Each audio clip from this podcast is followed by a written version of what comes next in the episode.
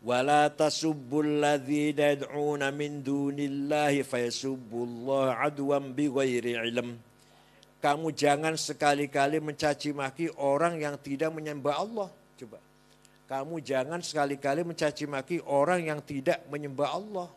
Nanti mereka mencaci maki Allah. Salahnya siapa kamu mencaci maki mereka? Mereka mencaci maki kita jadinya. Kita mencaci maki Yesus misalkan. Mereka mencaci maki Muhammad jadinya. Gitu.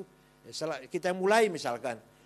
Kadzalika zayyana likulli ummatin amalahum. Demikianlah saya jadikan bagi setiap umat itu kebanggaannya masing-masing. Biarkan.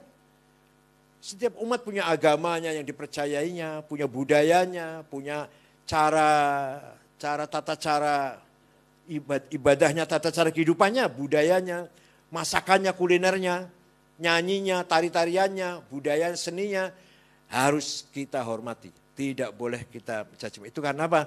Karena keberagaman merupakan keniscayaan dalam hidup ini. Jadi sekali lagi kita ini terus terang saja mempunyai teologi, mempunyai akidah harus kita pahami dengan benar. Harus kita pahami dengan benar.